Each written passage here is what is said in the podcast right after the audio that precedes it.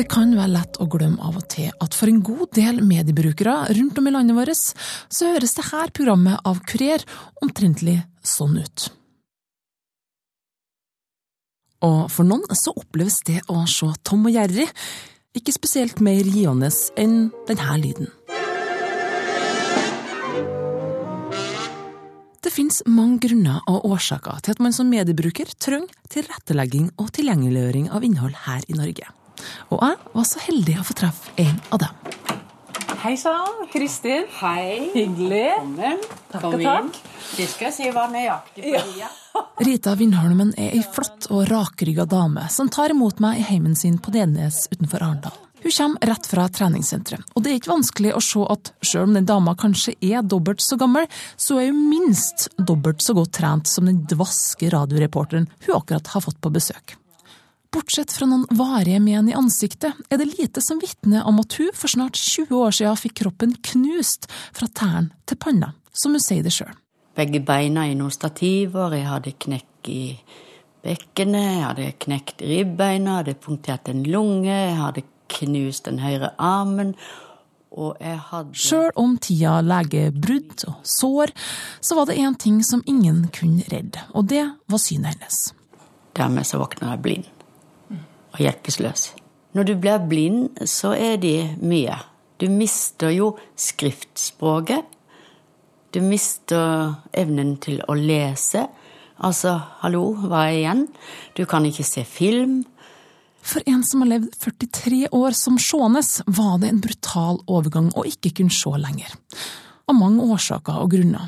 Men også hennes mediehverdag ble brått snudd på hodet. Det jeg var veldig opptatt av, det var selvfølgelig avis og radio, hva skal jeg si, og TV og kino. Ja, alt som alle andre var opptatt av. Jeg var veldig glad i film. Det var jo en stor greie. En sånn avslapningsgreie. jeg har savna veldig det å kunne sette seg ned og nyte en film. Um, og se på TV fordi at jeg har vært, uh, og er fortsatt, veldig visuell. Men etter hvert, da, når du vil lære, så er jo det er mange muligheter. Men du må lære. Eh, alt. Og det får en jo anledning til, heldigvis. Men én ting rakk hun aldri å savne. Du vet, 18 år siden så var jo ikke dette her data og nett og De var vel den spede begynnelse. Og det rare er at eh, jeg skulle begynne på dataskole for å lære meg data, men det rakk jeg jo aldri. Da får vi inn på mitt kontor. Det er mitt lille hellige rom. Her får jeg inn eh, på eh, alle mine oppdrag i forhold til at jeg skal ut og besøke kanskje nyblinde. Og her er altså PC-en min i gang. Da må jeg inn og se. Meny. Ljås. Microsoft. Windows-livet mail. Jenter. Ut av menyene. Windows-livet mail meldingsliste listevisning. Rita Vindholme. Bygg. Om tredje annet ord. Rita Vind... Å ja. Ulest. Fatse bok i dag. Espen Landstein kontakter ja. Da har jeg fått noen e-poster fra Blindeforbundet sentralt her.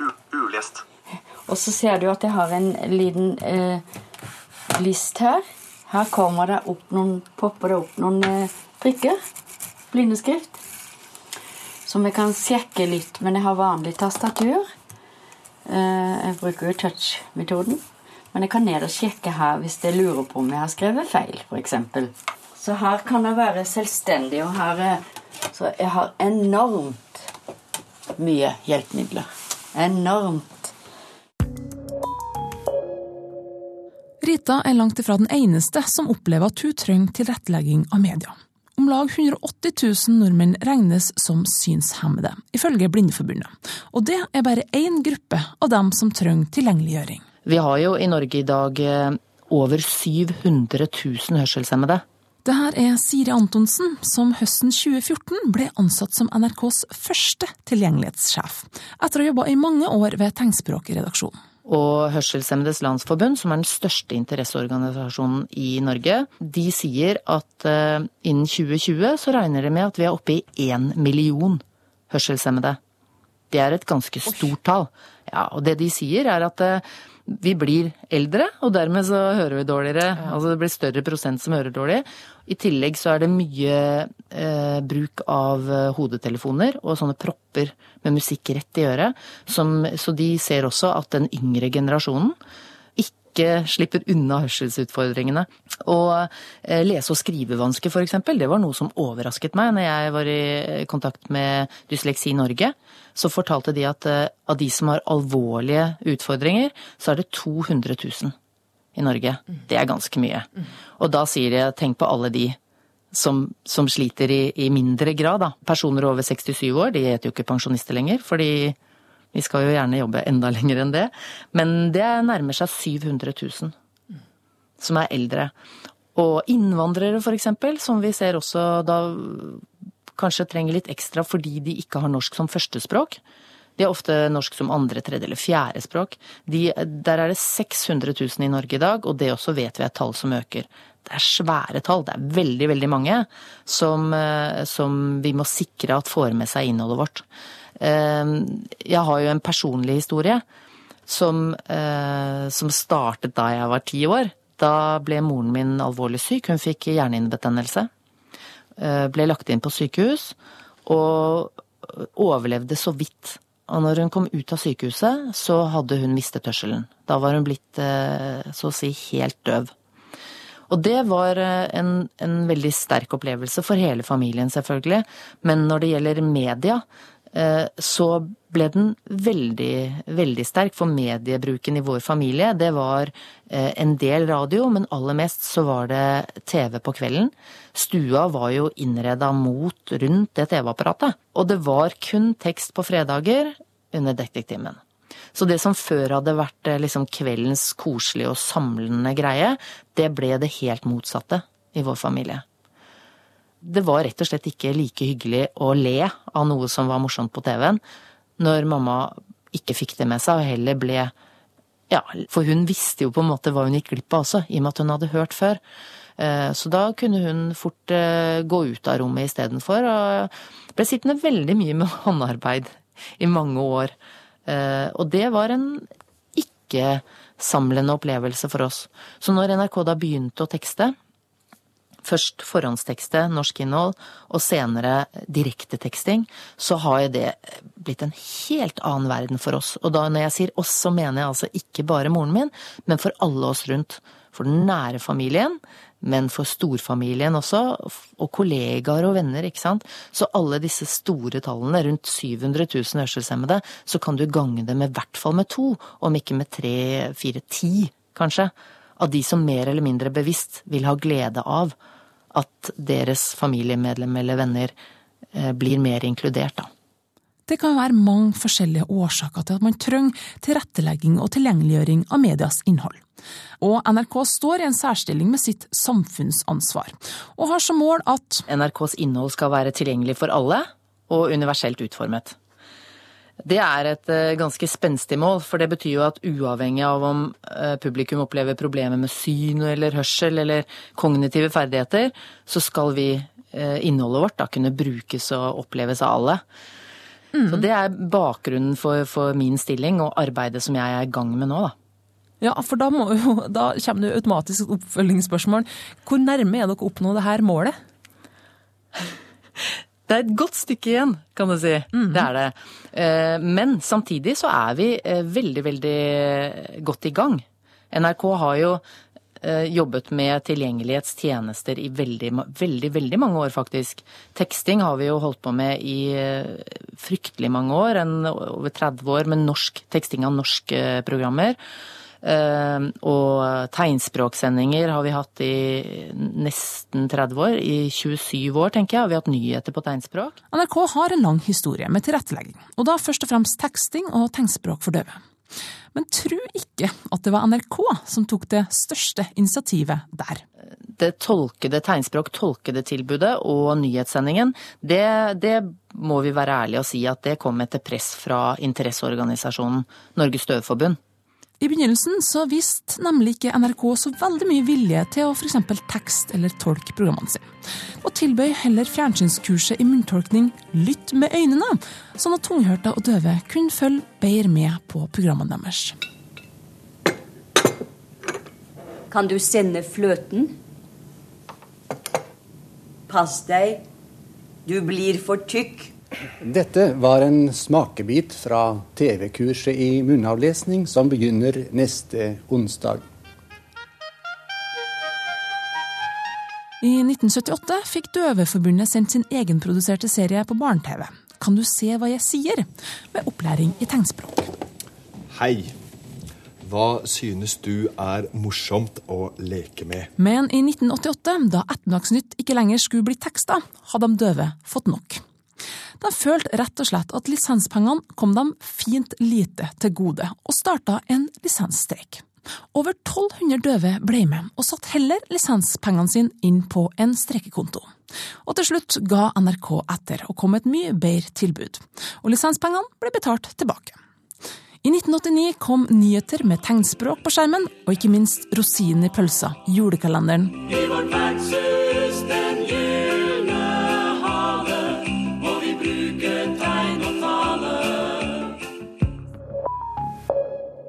NRK er ikke den eneste som tilbyr tilrettelagt innhold.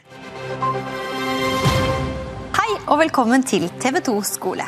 TV 2 skole er et tilbud fra TV 2 som vi har omtalt før her på Kurer. Her hører du et klipp av det. TV 2 skole er spesialtilpassa nyheter, der vi formidler og forteller nyhetene ut ifra en litt mindre målgruppe enn det du ser i kveldssendingene 18.30 og 21 eller på nyhetskanalen. I tillegg finnes det også Supernytt og Aftenposten Junior retta mot barn, og P3-nyheter tilpassa ungdom. Dette er Misjon Mission. Og er du en av dem som setter pris på Johan Golden og Atle Antonsens program Misjon på P4? En døvesending på gang, det er vel eh, strengt tatt litt uh, overraskende? Ja, jeg visste ikke At vi drev med det? Nei, uh, og litt usikker på hvordan vi skulle få til det. P4, i samarbeid med Døveforbundet, tilbyr nå en tegnspråkversjon av Misjonspodkaster. Sannsynligvis verdens første radioprogram for døve, ifølge P4. Klar tale. Lettlest ukeavis nummer sju torsdag 18. februar 2016. Klar tale er kanskje en avis du har hørt på eller om. Den er kanskje den største tilbyderen av tilrettelagt media, bortsett fra NRK i dag. Og hvis du ikke har hørt om den, så kan konsultert redaktør Gøril Huse gjerne forklare hva det er. Klar tale er en avis um, for folk som har lese- og skriveutfordringer, da primært voksne. Men vi har jo også lesere fra skolealder til eldre mennesker. Vi har blinde som leser oss, vi har afatikere. Og i tillegg så brukes jo Klartale masse i språkopplæring til de som kommer til Norge, både innvandrere og asylsøkere. Så vi mener jo at vi er en avis for alle som trenger tilrettelegging, og eller har lyst til å lese nyheter på et enklere språk. Klar tale kommer ut som papirutgave en gang i uka, som nynorsk versjon hver 14. dag, og nettavisa blir oppdatert daglig. Med en redaksjon på tre journalister, én deskjournalist, en redaktør og daglig leder, høres det allerede ut som en god del jobb. Men måten de formidler nyheter på, forteller at det ligger en del merarbeid bak der igjen. Den kommer også som lydutgave, enten via CD eller som podkast, som ligger på nettsidene våre. Så kommer den også i punktskrift. Det er det samme innholdet. Og vi lager noe som heter Nyheter i bilder, som er en spesialutgave av en nettavis med ukentlige nyheter, der teksten er symbolisert med grafiske tegn. Når det gjelder hjelpemiddel og verktøy for hvordan vi skal presentere stoffet, så er vi opptatt av at det skal være lett å finne igjen og gjøre, være orientert i avisa når man leser den. Det vil si at presentasjon og layout er ganske gjennomtenkt. Vi har fargekoding av de fem ulike seksjonene vi har. Vi eh, lager eh, reportasjesidene, sånn at man skal kunne lese alt, eller litt avhengig av på hvilket nivå man er i forhold til lesing. Vi har noe som heter Kort og klart i hver enkelt sak, som er rett og slett en trelinjers presentasjon av hele innholdet i saken. Og så har vi hovedsaken, som er kortere enn en normal avissak. Og da har vi en egen spalte som heter Ord i nyhetene. Vi har navn i nyhetene, der vi trekker fram én person, som vi forklarer litt om. Eh, og vi vurderer også tekstene på en spesiell måte ut ifra noe som heter LIX. Vi måler rett og slett lesbarheten i hver enkelt tekst, sånn at vi skal være sikre på at vi holder oss på det nivået som leseren skal få med seg. Mm. Og da ligger vi Blix-nivået i normal klar talesak skal ligge på barneboknivå, selv om vi skriver for voksne, for da er det enklest å få med seg. Mm. Er det noe penger å tjene på klar tale? Klar tale er jo en ikke-kommersiell eh, avis, der det er, det er en stiftelse som legger ut oppdraget på anbud. Men avisa har f.eks. ikke annonser. Den finansieres jo via støtte fra Barne-, ungdoms- og familiedirektoratet og abonnementsinntekter. Klar tale formidler nyheter fra mange andre aviser og mediehus, og av og til kjenner redaktør Huset på en viss frustrasjon over sine kollegaer. Sitter av og til og river oss i håret hvor vanskelig det går an å presentere en sak. Eh, og hvilke ord som faktisk journalister bruker for å flotte seg. Eh, men de verste er jo selvfølgelig politikerne. Eh, statsbudsjettet, de vanskelige tilgjengelige dokumentene. Det er mange som har lange veier å gå her. Det ser jo vi som må lettskrive dette. Men det gleder meg over å se at en del aviser har begynt å presentere nyheter i kortform og tenke annerledes på presentasjon. For det blir stadig bedre. Men eh, det beste rådet for alle som er journalister og som lager en sak, og vi når mange, er faktisk å sette seg ned og prøve å lese saken selv, høyt for seg sjøl. Og hvis du har problemer med å lese saken høyt, så kan du jo tenke deg hvordan det vil være for folk som har litt lese- og skriveutfordringer, å forstå det som du har skrevet.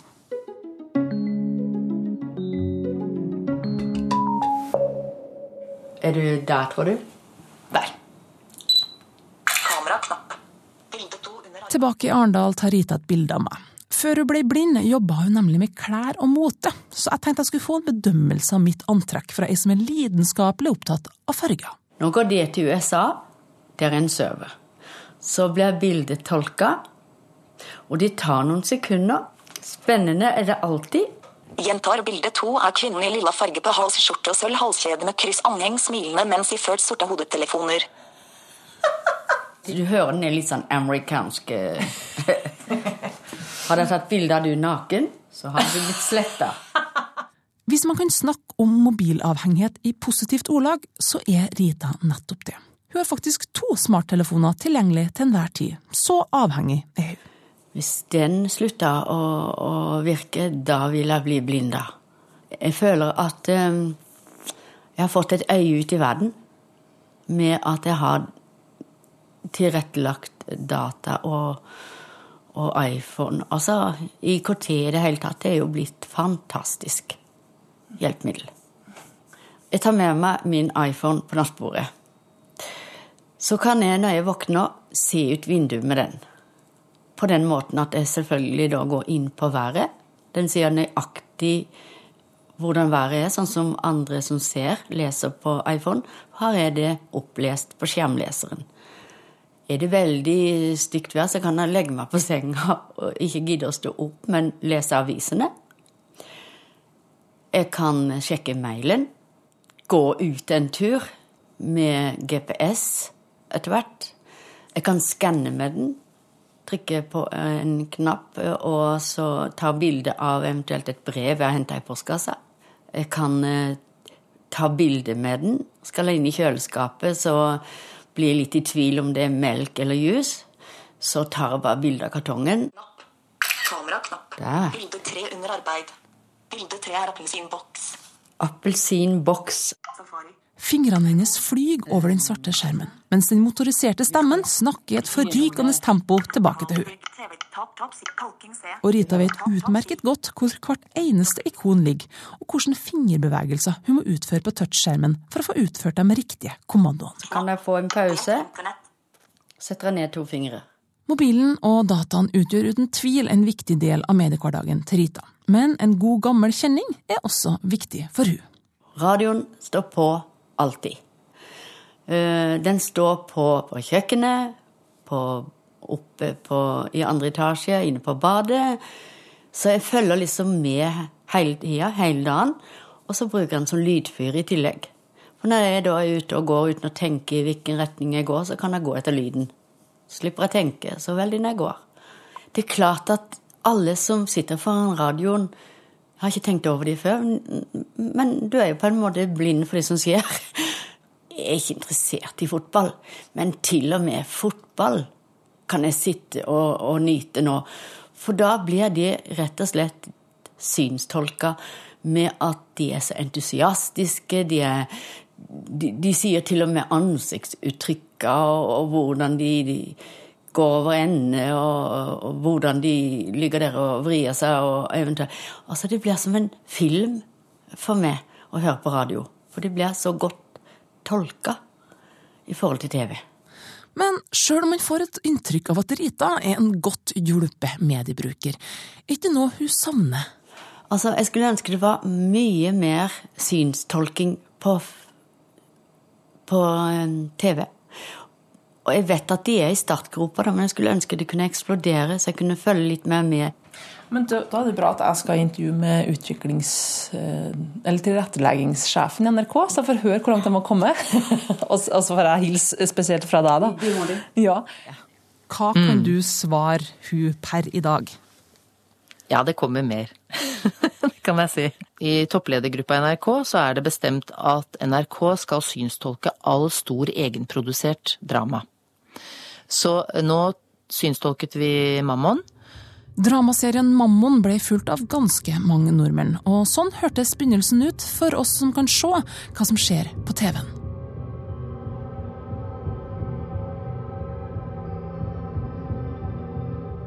Her hører du samme starten, men med synstolkning. Mørkeblå Stillesjø, sjøsiden av Oslo, Akershus festning, Stortinget, Akersgata og VG-bygget. Det hjelper ikke hva du har ment. Hva faen? Og så skal vi i gang med en ny serie til høsten som heter Nobel.